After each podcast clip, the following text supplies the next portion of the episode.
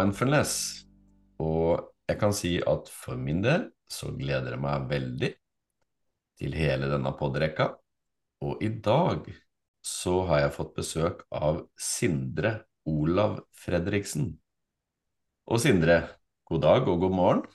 God morgen, god morgen. God morgen. Hvor er det du befinner deg hen? Du, jeg sitter i Århus i Danmark akkurat nå.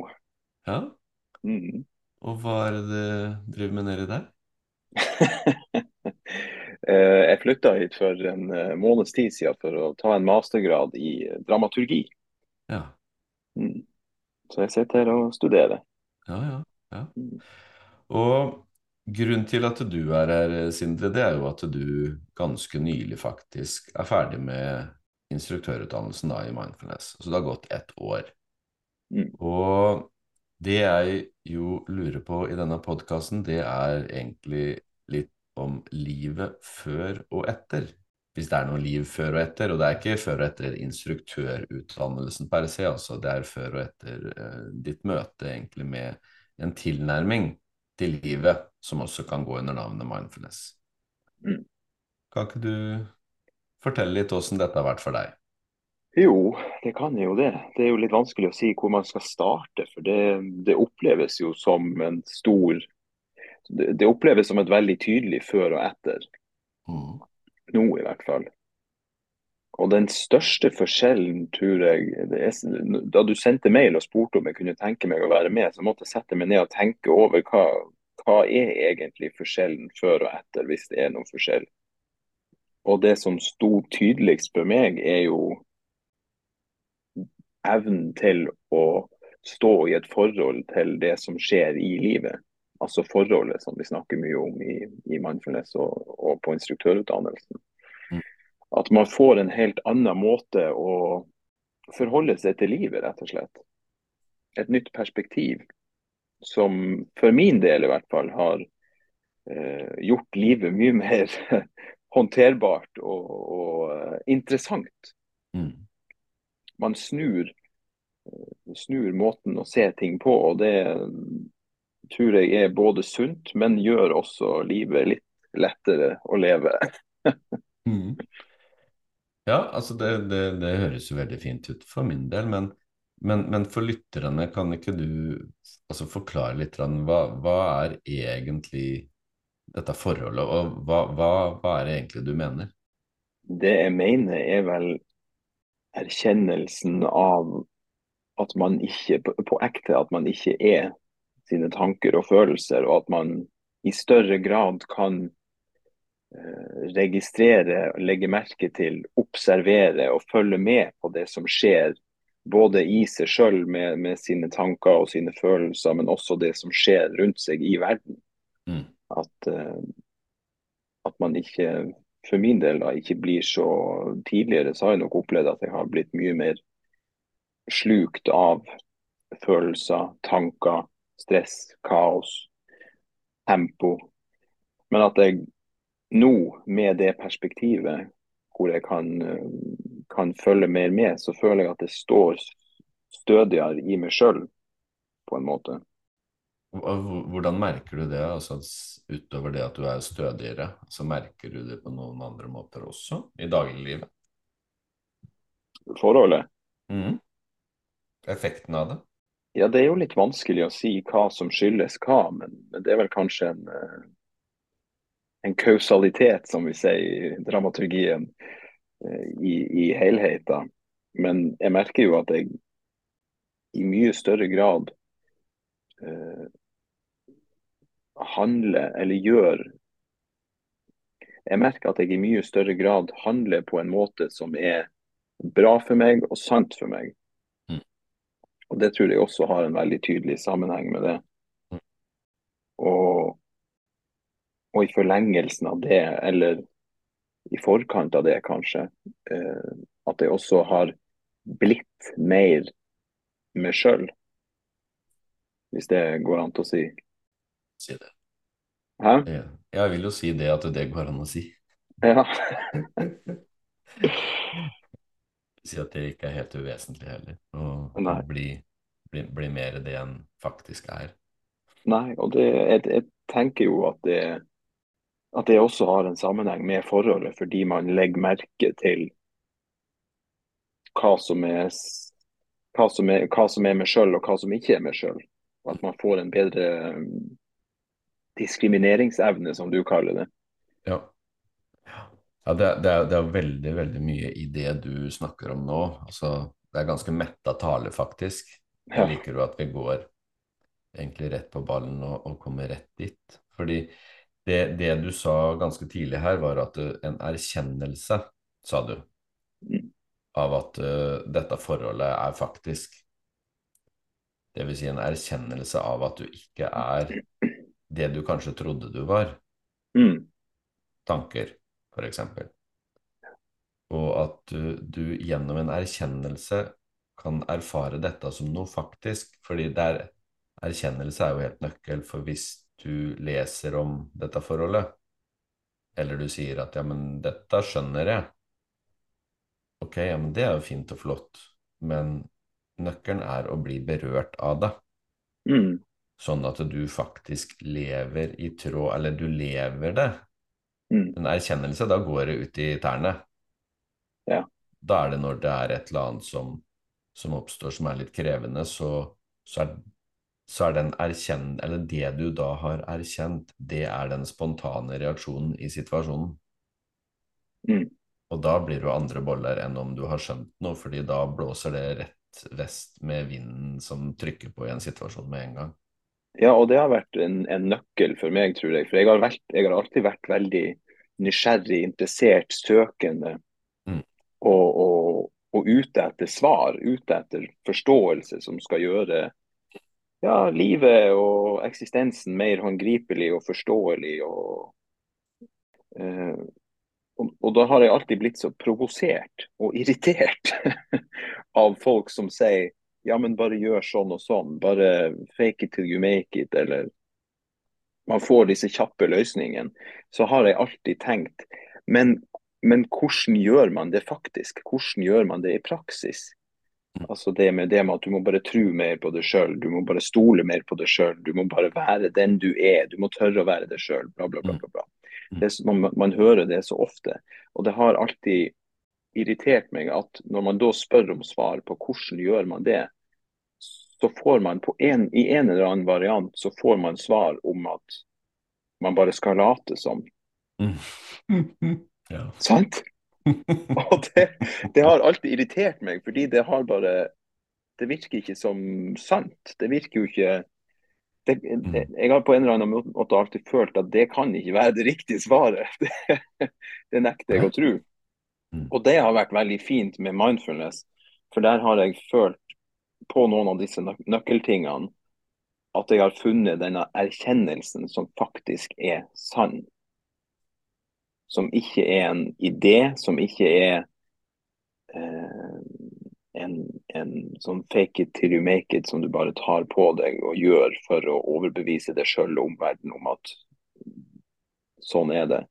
Men en, en, eh, en faktisk erkjennelse, og kanskje nå har jeg hørt mye på Søren Kirkegård i, sommer, og kanskje er det det han snakker om med en indre bevegelse. Men at da, da er det faktisk, da er det sant. Ja. jeg må da legge til at når du, eller hvis det er sånn da, at du mener at øh, ja, gjennom dette da, så fant du noe som var, altså noe som ble erkjent, altså erkjennelse, Mm. Og faktisk også noe som du opplevde som sant. Da må jeg da bare legge til at det er, det er, eh, hva skal jeg si, resultater som, som du har fått. Mm.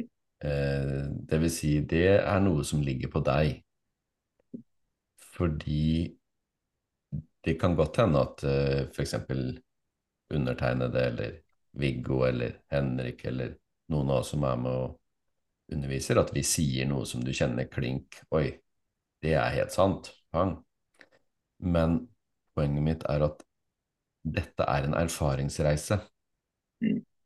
Så det er gjennom din egen erfaring at du kan erfare at vet du, dette faktisk, dette stemmer. Her er det noe som ikke jeg forsto før, det forstår jeg nå på en helt annen måte, og jeg kjenner det ut i hælene eller ned i tærne. Da kan du si at det nærmer seg en erkjennelse. Og hvis du også handler i en situasjon hvor du handler i tråd med det du opplever er sant, da slipper du å rydde opp i etterkant, for da er det helt stille. Ja, men det er sånn. Mm.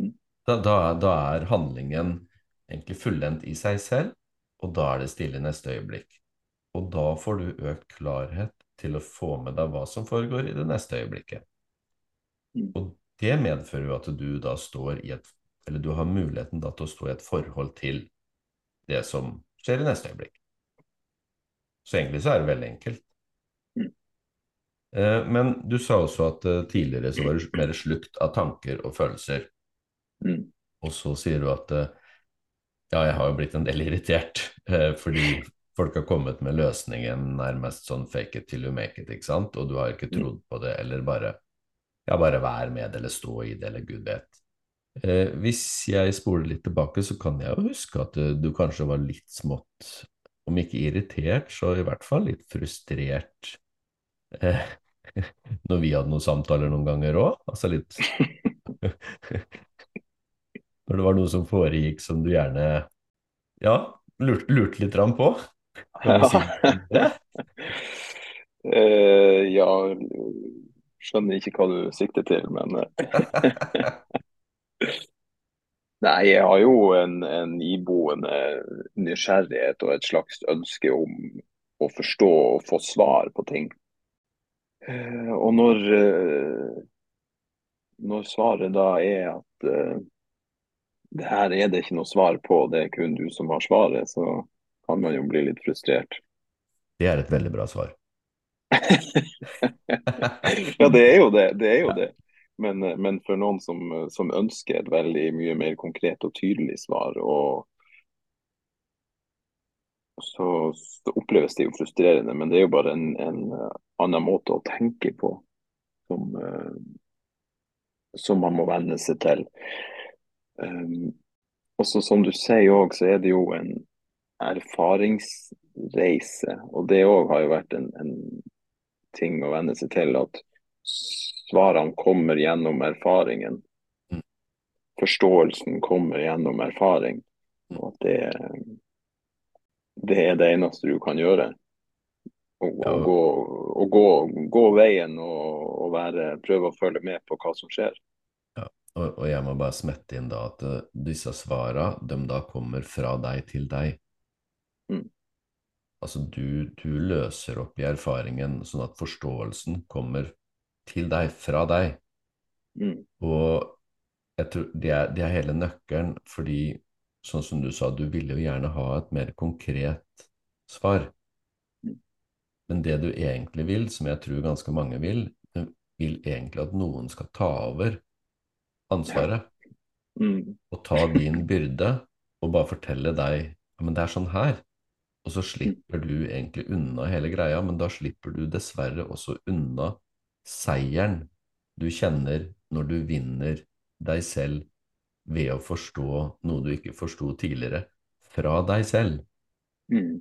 Og det er faktisk, det er faktisk utrolig viktig. Jeg kan si, nå kjenner jeg det at jeg har blitt en mykere herre med åra.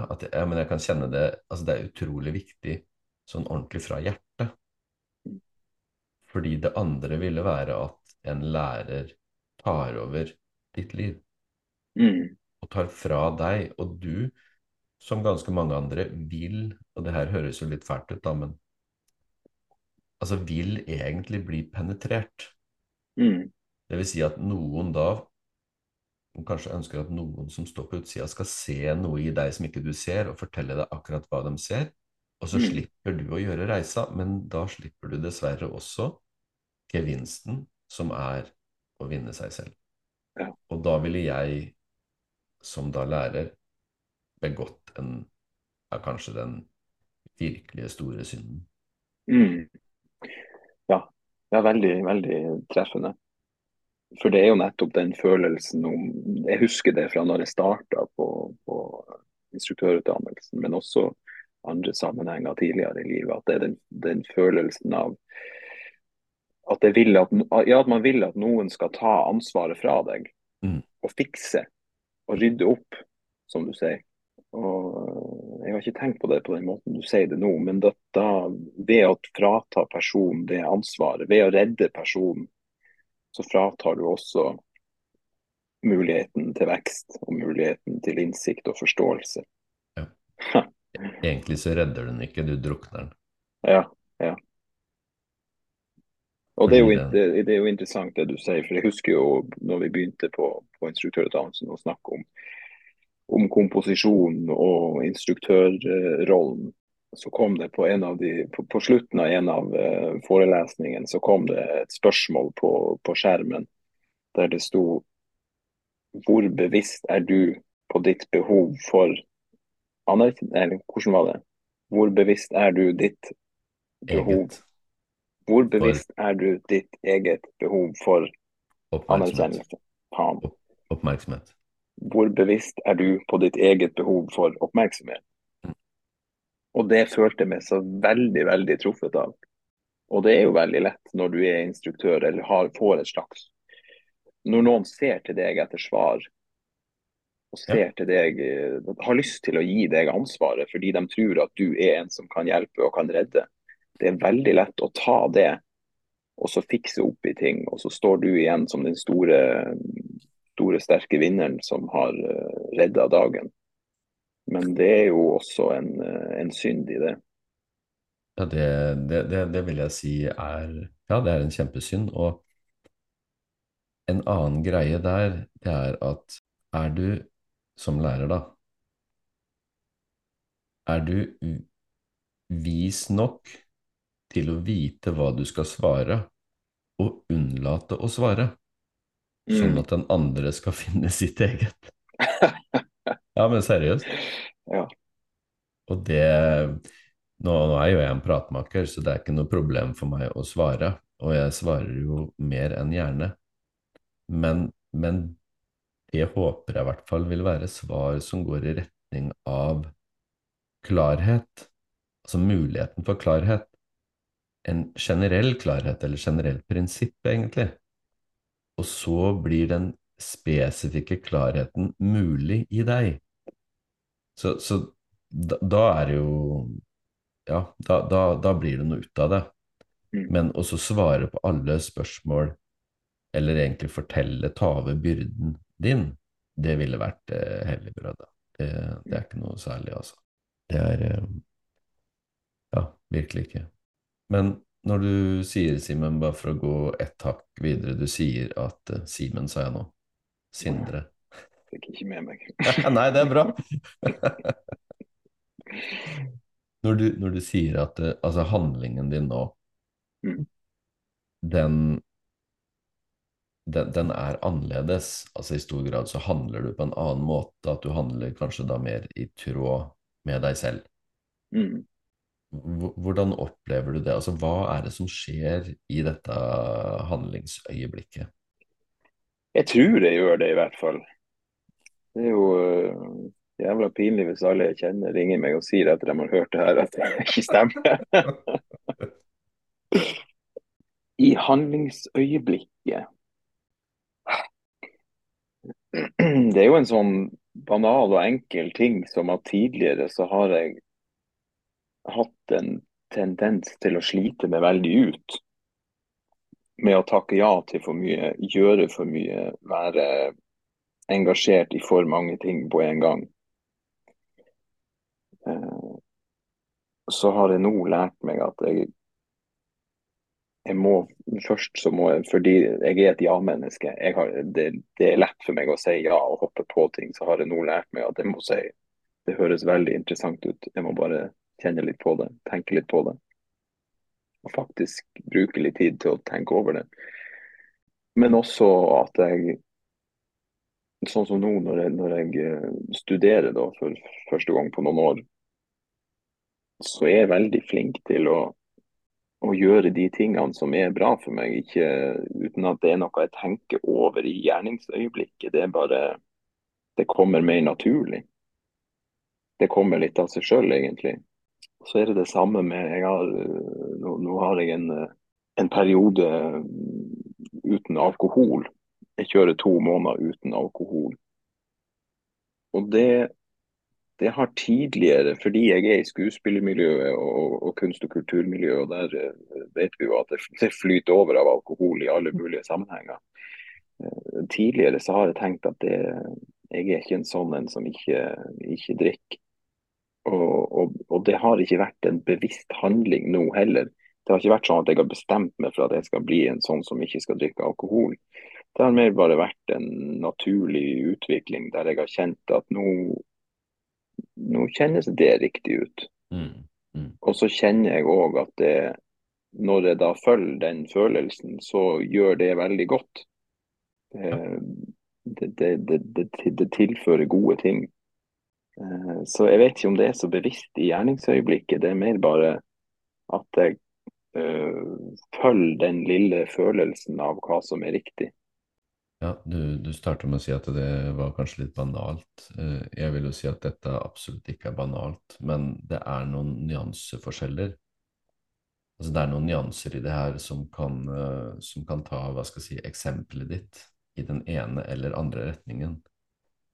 For da, når du sier at du gjør i større grad nå det som er bra for deg, mm. så kan det høres ut som om ja, men jeg følger mine behov. Altså nå er det, nå er det typ min tur. Uh, men det er nok ikke nødvendigvis at det er så bra for deg. Det er ikke det du snakker om? Nei, nei, det er ikke på ingen måte Nei.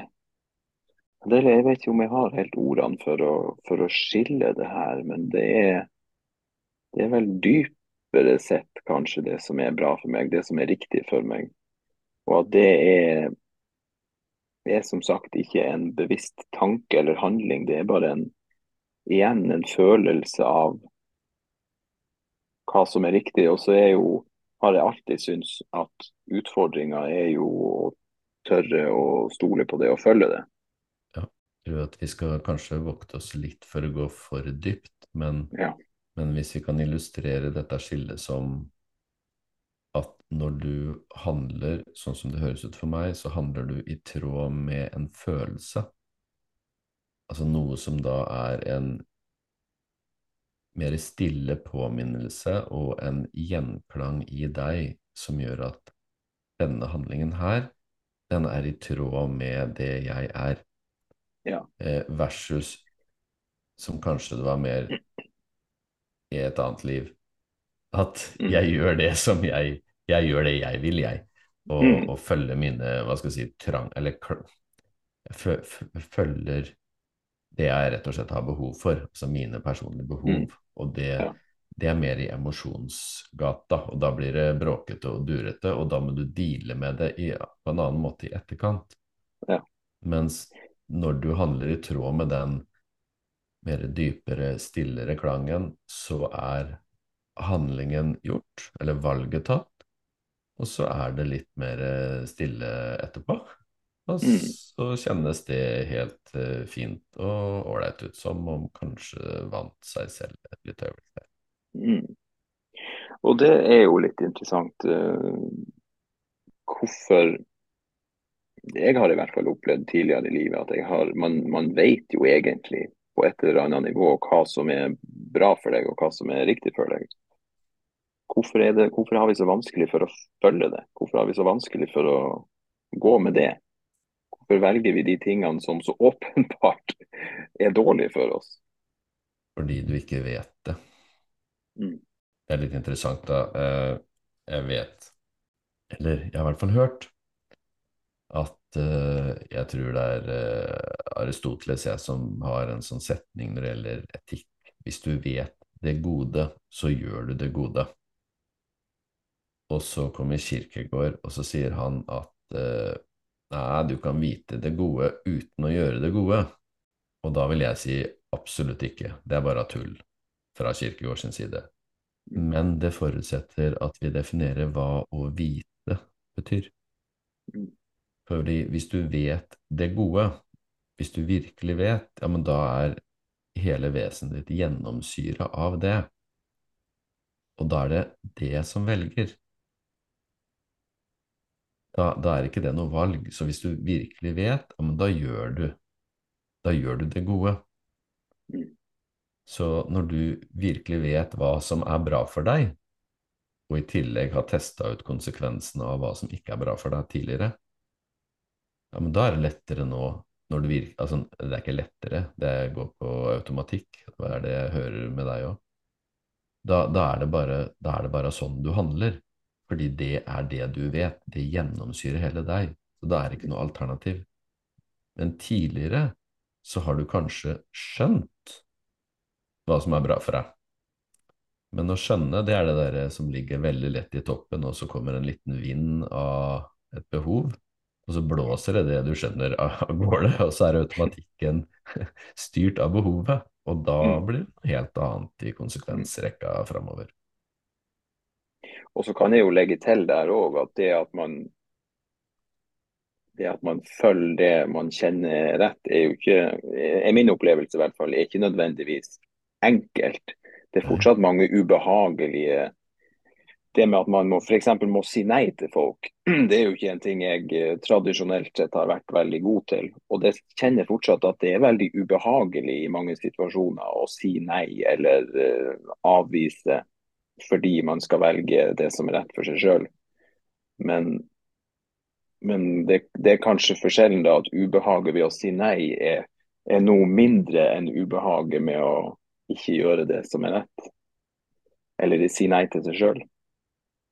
Ja, altså det, Ubehaget kan jo være enormt når du står overfor et valg og du kjenner jeg må jeg er nødt til, altså jeg må handle nå i tråd med det jeg kjenner er rett og sant til meg, Mm. så kan jo ubehaget være helt forferdelig.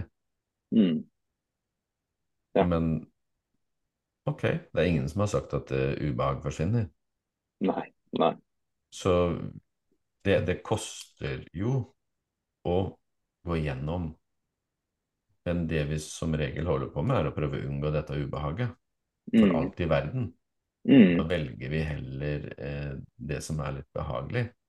Ja. Og da taper vi muligheten for å vinne oss selv. Mm. Jeg kjenner nå, Sindre, at i den podkastrekka her er jeg ganske garantert at jeg kommer til å gjenta meg sjøl ganske mye. kjenner det. Ja, ja. Det er jo det, det var ikke det du sa på instruktørutdannelsen. At du bare du sier det samme på mange forskjellige måter hele tida. Ja, det er helt riktig. Jeg sier bare det samme. Ja, men, men det er jo òg Jeg merker jo det sjøl også når, når jeg begynner å tenke på det her. Så kommer jeg jo på en eller annen måte tilbake til den samme konklusjonen hver gang. Mm. For det er jo Det er det det handler om, da. Mm. Mm. Ja, det I min verden så er jo dette det mest spennende av absolutt alt som finnes på denne jord. Så, Mm. så det er ikke noe problem å repetere litt da. Og Nei. nei, rep repetisjon er jo viktig, eller altså peke på, på egentlig det samme. Det, det, er, det er det, altså. Men ja. Mm. Skal vi vandre videre, da? For at du, Ja. du har med deg et tema, og jeg aner ikke hva dette temaet er. Det syns jeg er veldig ålreit, for da blir det litt sånn uh, mulighet for spontanitet her, eller den graden av spontanitet som vi kan uh, oppdrive, da. Mm. Ja, det Jeg mistenker at det kanskje er, kanskje er det det samme. Kanskje er det to litt forskjellige tema, men jeg, jeg tror de går litt over i hverandre. Jeg ble sittende og tenke i går på, på hva, jeg skulle, hva slags tema jeg skulle bringe til bords. Og siden jeg er i skuespillermiljøet, eh, og siden det var veldig aktuelt, har vært veldig aktuelt nå i det siste, så, så tenkte jeg at beundring Oi.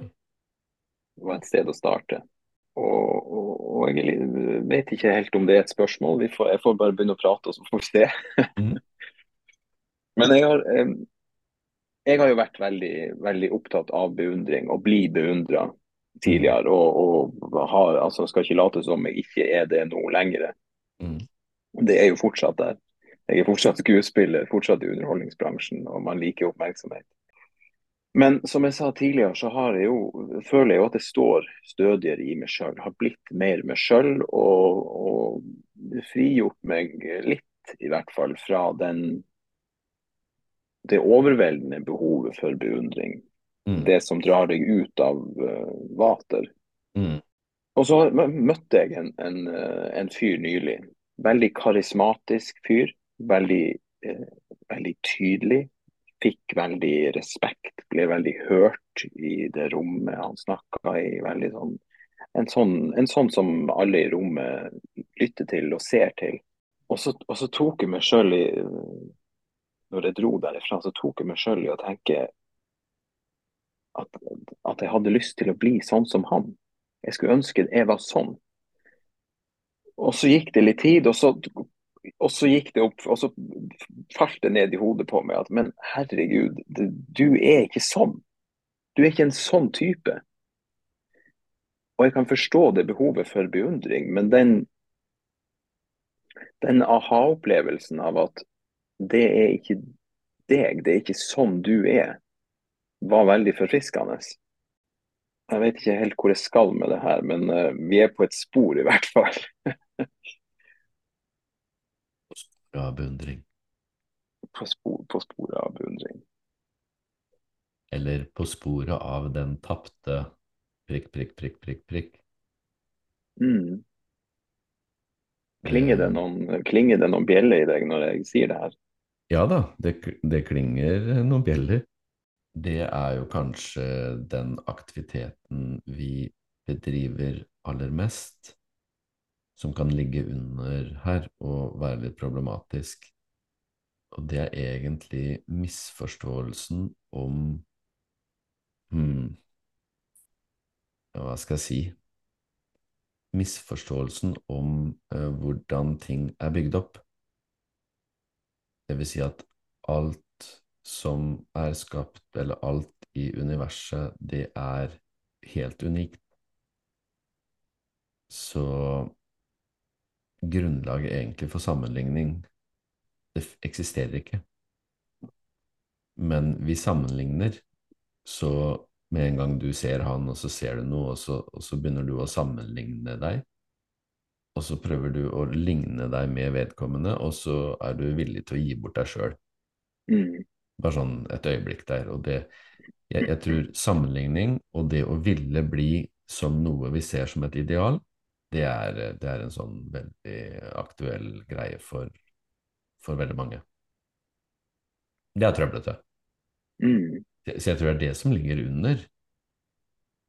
Altså jeg mener, hvis, hvis, du virkelig hadde forstått at ja, men det er jo masse ulike uttrykk, så han fyren ja, han var jo, virka jo som en interessant uh, karakter. Og da, hvis han i tillegg lever det han skal, eller lever seg selv, så er jo det helt strålende. Mm. Men karismatisk, det er jo litt poppis eh, i dag. Mm. Særlig hvis du er litt opptatt av oppmerksomhet og mm. står på scene, da er du jo litt i fare for å kanskje bli sugd ut i andres blikk på deg selv. Ja, og, og det fører meg kanskje over i det, det, overlappende temaet som er det her med å For det var det kanskje som slo meg når, det, når det falt ned i hodet mitt, at dette det er jo ikke sånn du er. Er jo denne følelsen av å tørre å våge å stole på å være den du er. Ja. Og, og, forfølge det og, og, og, nesten velge å bare stole på at det er nok i seg sjøl. Mm. Jeg, jeg, håper og tror at du kjente på et veldig ubehag når du merka at du hadde gitt deg bort til et uttrykk som ikke var ditt? Ja, jeg, jeg, tror ikke jeg ga meg bort. Jeg bare kjente på fristelsen. Jeg kjente på forlokkelsen. Ja. Mm. Og så kjente jeg jo hva kjente jeg på da? Kjente på, på, på uh, letthet når, når, det gikk opp for meg at herregud, nå, nå, nå, nå surrer du. Mm. nå rota du det til. Mm. Mm. Og det har jo, vi har jo snakka litt før om det her med å, å, våge. Kan vi gå dit? Ja. ja. Våge, og det vågestykket som uh, Vigdis Garbare kaller det. Og Jeg vet ikke om man kan dra det inn i det her, men, men, det er jo litt sånn det føles av og til når man bare Ja, når man må våge å stole på hvem man er, hva man er. og, og bare være det og leve det uten at man nødvendigvis har noen forsikring om at det fører til verken det ene eller det andre, eller at man vet at det er nok eller riktig, eller i hvilken retning man skal. Man, man bare velger å ha tillit. Hvert eneste øyeblikk er jo et valgstykke. Mm. Da er det spørsmål hva er det som skal vinne meg i dette øyeblikket? Mm. Eller hva Altså, hva Ja, hva, hva skal jeg gi mitt liv til? Fordi øyeblikket er helt friskt, og så er det noen skjeletter som er med i skapet, og de skjelettene de rangler rundt deg i dette øyeblikket. Og skjeletter er jo daue, akkurat som vaner er daue. Mm. Men de rangler rundt deg som en mulighet for deg til å gi liv til. Og da, i og med at det, det rene øyeblikket, det er jo litt skummelt. Det er litt åpent uten forsikring, tror jeg, som du sier. Så da ser du rundt deg, da. Der er det noe skjelett. Ja, det skjelettet der passer bra i dag. Den vanen. Så bare gir du det liv, og så begynner det å skrangle litt mer. Og så får du konsekvensen av det. Så, ja, fordi, fordi skjelettet er, er, er, kjent, er trygt. Ja, ja. ja. Ja. Mens det øyeblikket er, er, friskt og utrygt, ustrygt. Du vet ikke. Nei, for at konstruksjonen som kommer med at du gir liv til skjelettet Mm. altså det, det er jo bare et skapt liv, ikke sant? Mm. Du, du blåser liv i en vane et øyeblikk, men så vet du samtidig at dette øyeblikket, det, det, det går jo over til noe annet. Mm. Så det livet du blåser inn i det skjelettet, den vanen, det vil jo ikke vedvare. Mm. Det kommer noe nytt, og da må du gå i gang igjen, da. Så, så det er jo en interessant sak. Men, men, men hvis, hvis vi går inn i uh, beundring, da. Ja. Jeg tenkte Helt naturlig så vil du jo kunne tenke at eh, det er jo noe som skjer utenifra. Mm.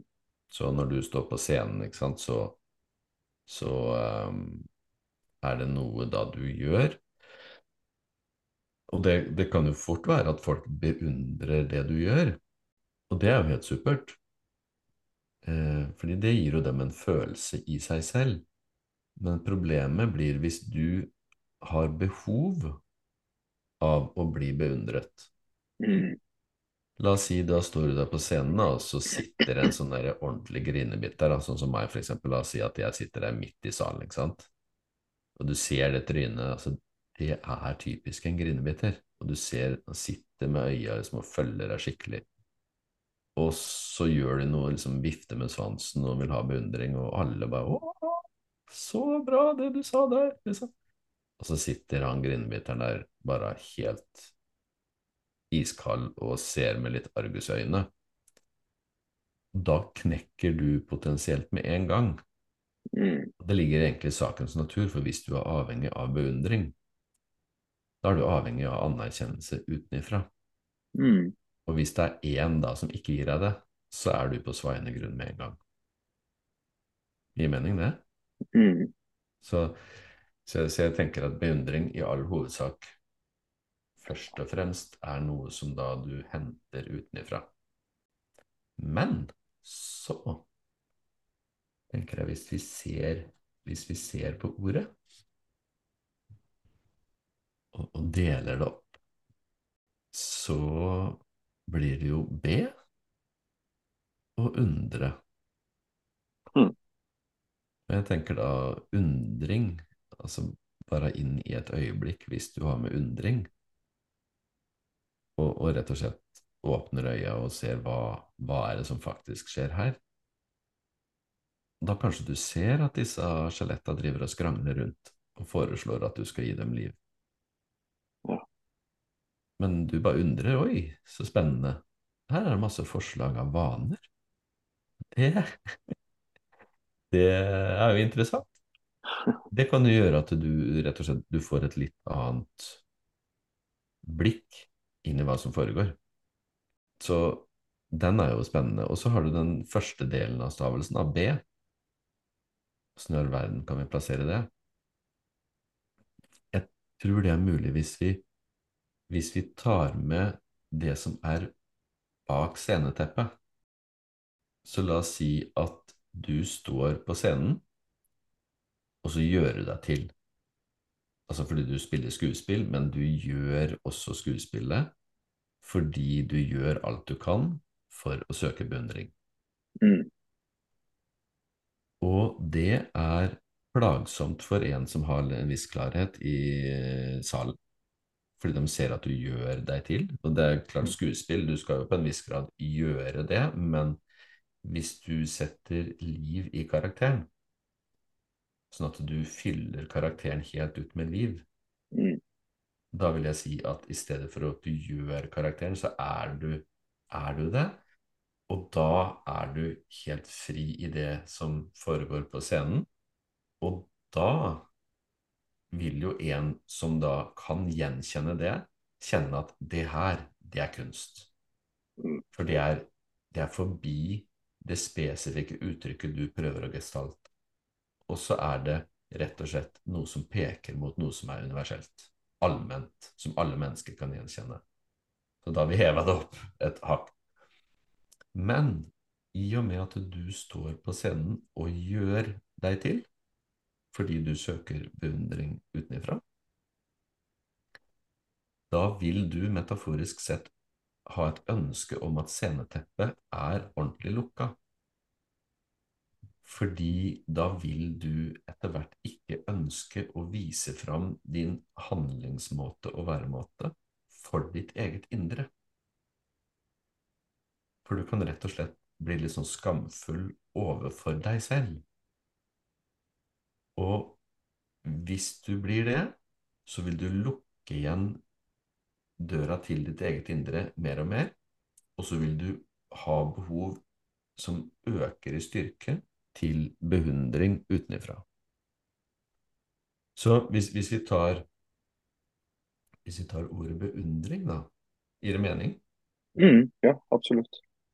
Hvis vi tar ordet, ordet beundring og kanskje går over mot aktelse For for meg så ligger det litt i samme gate. Det Ja. er beundring og aktelse. Jeg syns, jeg syns de kjennes litt like ut. Men aktelse er noe hellig, og beundring kan oppleves litt besmitta. Fordi hvis det bare blir noe du henter utenfra, så, så blir jo det noe annet enn aktelse. Men hvis du søker beundring utenfra konstant, så vil du miste følelsen av selvaktelse. Og selvaktelse, det er noe du kan kjenne i deg, altså innifra.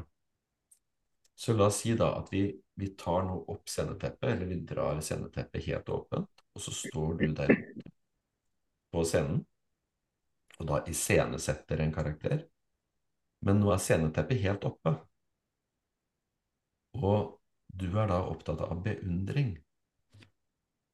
Og så har du nå fylt den karakteren med liv i en så stor grad at det ikke er noe som helst problem for deg å vise fram ditt skuespill, som jo er yrket, for ditt eget indre.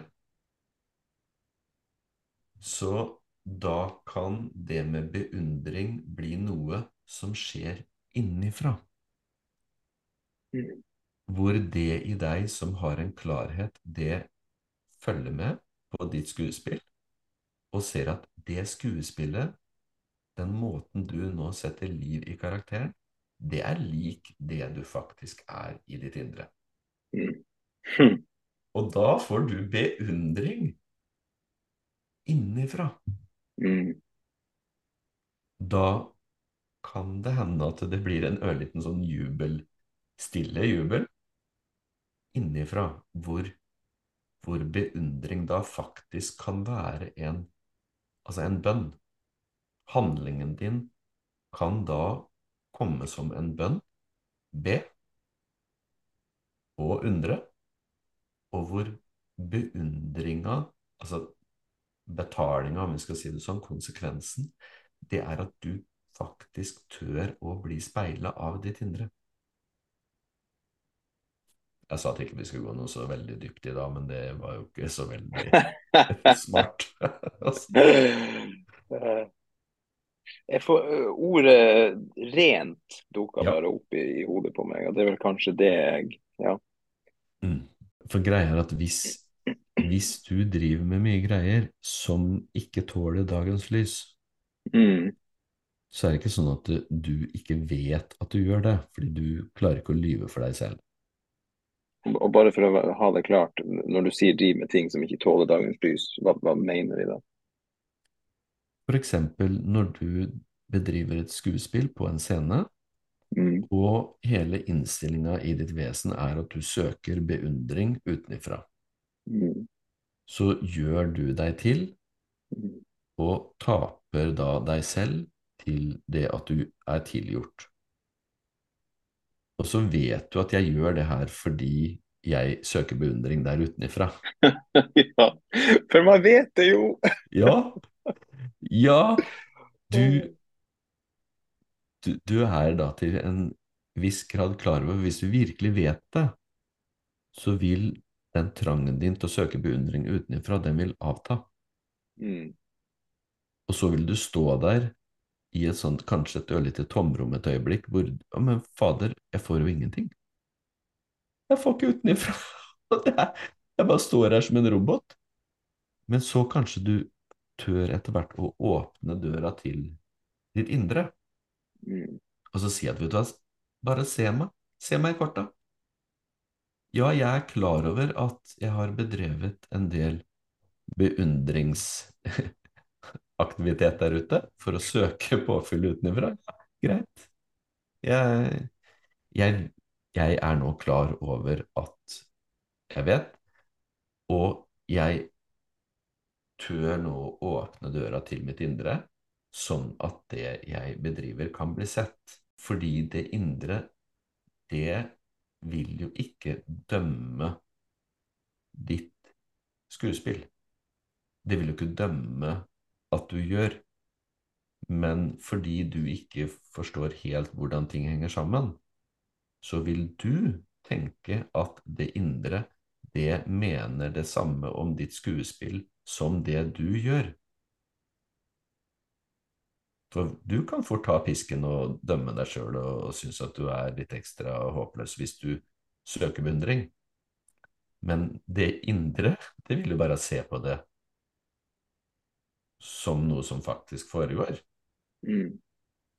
Mens du kan jo slå deg sjøl i huet. Jeg, jeg kan ta et eksempel, jeg, da. Og det har jeg sikkert tatt for deg før. Og det her er jo grusomt et. Fordi spørsmålet, altså hvor bevisst er du ditt eget behov for oppmerksomhet? Det spørsmålet kommer jo fra et sted. Ja. Det er ikke sånn at Nei, det er et smart spørsmål.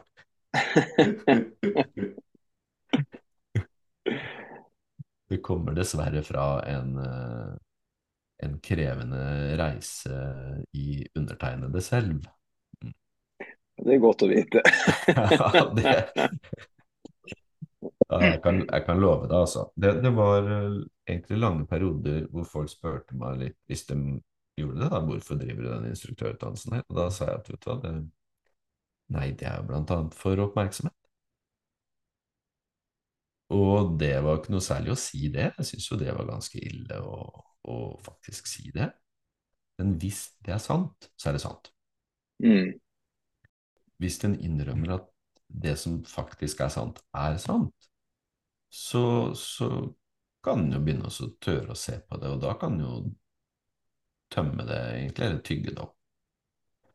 Ok, men eksempelet er Ivar Wæler sto på en scene, holdt et foredrag foran kanskje 300 mennesker. Og det var et typ 30 minutters foredrag om eh, tilstedeværelse og selvledelse. Og i og med at det var 30 minutter, så var det jo litt eh, planlagt det her, så jeg dundra av gårde da og prata. Og så plutselig så sa jeg noe som jeg sjøl registrerte at jeg sa, og så syns jeg at det var så bra sagt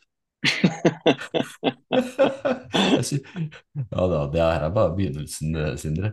Altså, det var rett og slett så bra og klokt sagt at jeg ble rørt over at det gikk an. Ja, nydelig. Ja, jeg kjenner jeg blir varm her sjøl nå. Altså, jeg, jeg ble rørt over at det gikk an å si noe så klokt. Ja. Og konsekvensen av det, det var jo at, at stemmen begynte jo å knekke. Jeg ble jo så rørt. Det var ikke en dyp rørthet, det var en ganske sånn ja, eh, søke ytre beundring-rørthet. Ja, ja. Det var kjempe, kjempefint, kan du tro. Så sto jeg der, uh, måtte roe ned lite grann, og så fullførte jeg. Og så gjorde jeg det jeg skulle når jeg var på den konferansen, og så dro jeg hjem, og da, altså Da måtte jeg stille meg noen ordentlige spørsmål.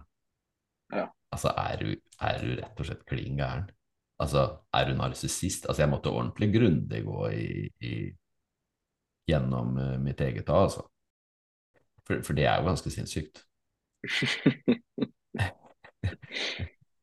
Men det samtidig er noe som kan virkelig, da, ikke sant, på en nål som begynner også å stikke inn i den eh, byllen der hvor det ligger så mye, og du kommer ikke unna at det preger deg, så sant ikke du får gått dit hvor utgangspunktet for den trangen ligger.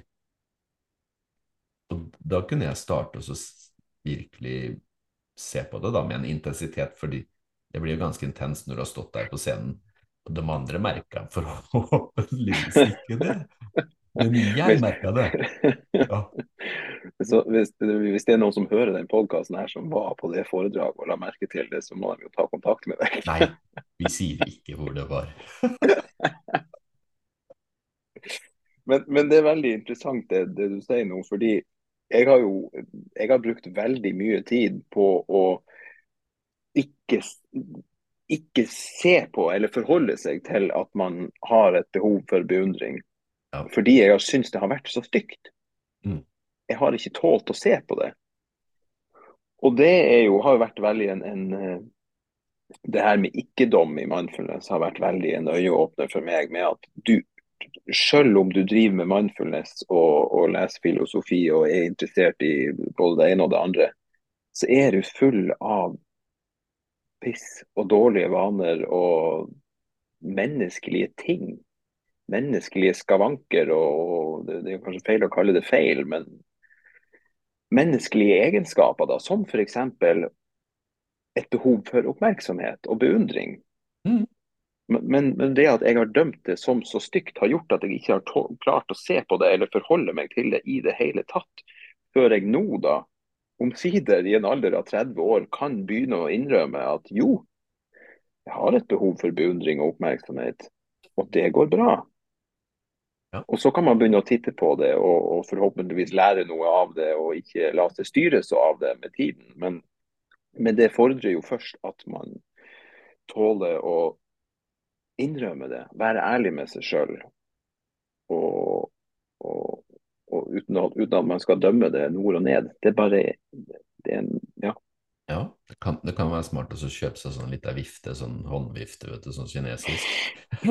For det, hvis du begynner å se på det, så er det sånn Å, uff da, det er litt pinlig. Ja. Ja. rød i trynet. Litt varm. men, men, men det er altså så utrolig viktig det vi er inne på nå, fordi hva om hva om du gjør som du har pleid? Og det er at du er fullt og helt klar over at du har et behov for beundring utenifra. Og så er det stygt. Og så kanskje du kommer i en retning da hvor uh, sier at ja, men just do it, eller just fake it till you make it, eller gud vet hva, ikke sant? Eller du bør ikke gå så langt heller. Det er bare å gå egentlig inn i dette mindfulness-opplegget. Så, så er det også veldig mange forslag til idealer som er å foretrekke. Så la oss si du, da, som da har dette behovet for å bli beundra. Eller jeg, da, som hadde et ekstremt behov for oppmerksomhet. Ok, Hvis, hvis jeg da kler på meg en drakt hvor jeg ikke har det, eller du, du bare kler på deg nå en figur der nede i Danmark hvor du ikke har behov for oppmerksomhet eller beundring. Mm. Og så begynner du å spille det som ligger i den drakta du kler på deg. Mm. Eller jeg begynner å late som om ja, nei, altså jeg er altså så rolig i meg selv. Jeg har ikke hatt behov for oppmerksomhet i det hele tatt. Det øyeblikket du setter på deg den drakta og begynner å spille, altså gi liv til den drakta, da har du tapt deg Mm. selv til noe som gjør at andre kan synes det etter hvert blir veldig ubehagelig å være i nærheten av deg. Og, og du sjøl vil jo da uh, bli bare en karikatur. Og, det er kjempeskummelt, altså. Begynne å spille, spille noe som vi tror er rett. Så mindfulness, la oss si da at du Nei, du, ja, gud vet, jeg vet ikke hva som skal, hva skal jeg si, gestalte det, men La oss si at nei, du er helt stille. Altså, du går altså så stille og fredfullt med deg sjøl at det er ikke mulig å være mer stille og fredfullt. Problemet er at tendensen din til å søke beundring, den har ikke noe sted å gå. Mm. Den forsvinner ikke, og da ligger den der som en sånn derre en gasslekkasje dypt i havet som, som sender bobler opp hele tida, og som preger enhver handling. Og da er du fanga av det og har ingen mulighet til å bli fri. Så det er greit å bare lokke opp, ikke sant, og så kjenne inn Å, fytte rakkeren, her lukta det skikkelig skeit. Altså, det lukta skitt. det var ikke noe særlig ålreit tendens som kom fram der. Nei. Nei. Kom tendensen fram? Ja. Fins den da? Ja. Ok. Da får du begynne å, å se dit og tygge. Mm. Det er ikke så behagelig. Nei. Men det er artig. Det er jo det. Når man, når man går inn med rett, eh, riktig holdning, når man vet hvordan man skal forholde seg til det, Ja. så begynner det jo å bli jævla interessant. Ja. Og det er jo litt det som vi hva skal si, jobber med, da, både forståelsen av disse mekanismene, men også da ja, litt hvordan forholde seg til det. da. For det, jeg tror jo det Nei, det er jo ikke det. Nei, nei. Og, og, og jeg tror jo det er for mange, og, og i hvert fall for meg sjøl tidligere i livet, så har jo det at man ikke har en konstruktiv måte å forholde seg til det, er jo det som gjør at man ikke går inn i det.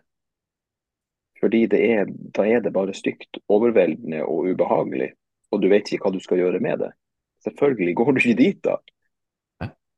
Nei, nei. Men hvis, hvis vi nå oppsummerer litt temaet, tenker jeg, så vil i hvert fall jeg si at beundring, det, det blir to helt forskjellige følelser, kan vi si det? Om beundring er noe du får eller søker utenifra. Det er egentlig ikke en følelse, det er mer en emos altså det er et emosjonelt hav hvor du hele tida hele tida så vil øya dine søke helt febrilsk utover, og du vil søke deg sjøl etter signaler om at der fikk jeg det som jeg faktisk hadde behov av. Ytre beundring. Og da er det litt som du sa med tanker og sånn, ikke sant, at du blir slukt av det. Og da, da forsvinner du i det suget, altså i det sluket. Det er trist. Eller så kan beundring være noe som, som kommer innenfra. Og da Det kan jo sikkert høre, høres litt rart ut for, for dere som hører på denne podden når vi snakker om det indre, fordi det er ikke så veldig vel beskrevet rundt omkring. Men hvis du faktisk um, Hva skal jeg si åpner for at alt du gjør, det blir sett. Og hvis du da lar det som da ser alt det du gjør, virkelig se, du tar, drar sceneteppet til siden sånn at backstage begynner å komme fram. Så hvis beundring da skal brukes, så vil jeg påstå at men da vil da vil enhver handling, enhver ting du gjør, det vil beundres av ditt indre. Mm. For der er det ikke noe dom. Så der er det undring. Så der, oi, ja, oi, ja.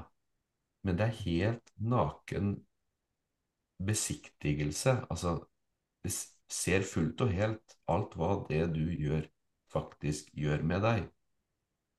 Så det, det har en hva skal jeg si, undrende tilnærming, så, så det vil se rett på. Og så tenker jeg at det andre, altså beundre hvis, hvis den følelsen faktisk tar over din måte å være på, da, da tror jeg vi kan til og med komme dit hvor din handling kan bli som en bønn. Mm. Hvor, hvor du rett og slett beundrer alt som gjøres. Og hvor du, hvis du da kan se at vet du hva, du i ditt handlingsøyeblikk er helt uskyldig fordi du vil alltid gjøre ditt beste, så kan du i prinsippet, hvis du tillater det å se, så kan all handling beundres. Uavhengig av om du går dit hvor konsekvensene ikke er helt på topp verken for deg eller andre, eller den andre enden. Interesting. Mm. Den er fin. Du vil alltid gjøre ditt beste. Ja. Kan ikke gjøre det, men du, du handler jo med det vettet du til enhver tid har tilgjengelig. Nettopp. Og det, og det har du tilgjengelig, og du har verken mer eller mindre enn det tilgjengelig. Og det er det også som er da forskjellen på å Ja, jeg vet det. Nei. Hvis du vet det, så, så handler du i tråd med det. Så det er en kjempeforskjell på å skjønne noe og faktisk vite noe. Mm. Og vi skal vel kanskje ikke gå så langt inn i det, for vi begynner vel å nærme oss et slags slutt. Men ærlighet står jo, står jo og, og skriker mot meg her. Når du snakker om det her med å trekke fra sceneteppet og, og bare tørre å være ærlig. Tørre å være den man er, det man er. Ja, og, og vågestykket da er å trekke fra sceneteppet. Mm. For bak det sceneteppet, der bor ærlighet. Ja. Og det bor der enten du vil eller ei, og det ser absolutt alt hva du gjør. Ikke ja. som en nisse som sitter et eller annet sted og slår deg i huet for dumme ting du gjør, men det ser, det ser med et beundrende blikk, hvor det ser det som skjer sånn som det skjer, og legger ikke noe til, trekker det ikke noe fra. Og det er iboende i mennesket. Så da fikk vi sagt det òg, Simen. Altså, det er Nå, nå fikk jeg med meg at du sa Simen. Nei!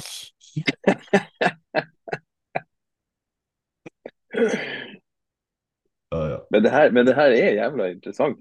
Det burde jo være en egen eh, episode om mindfulness og skuespill. Eller mindfulness og kunst. Vi kan lage flere episoder om, eh, om det senere.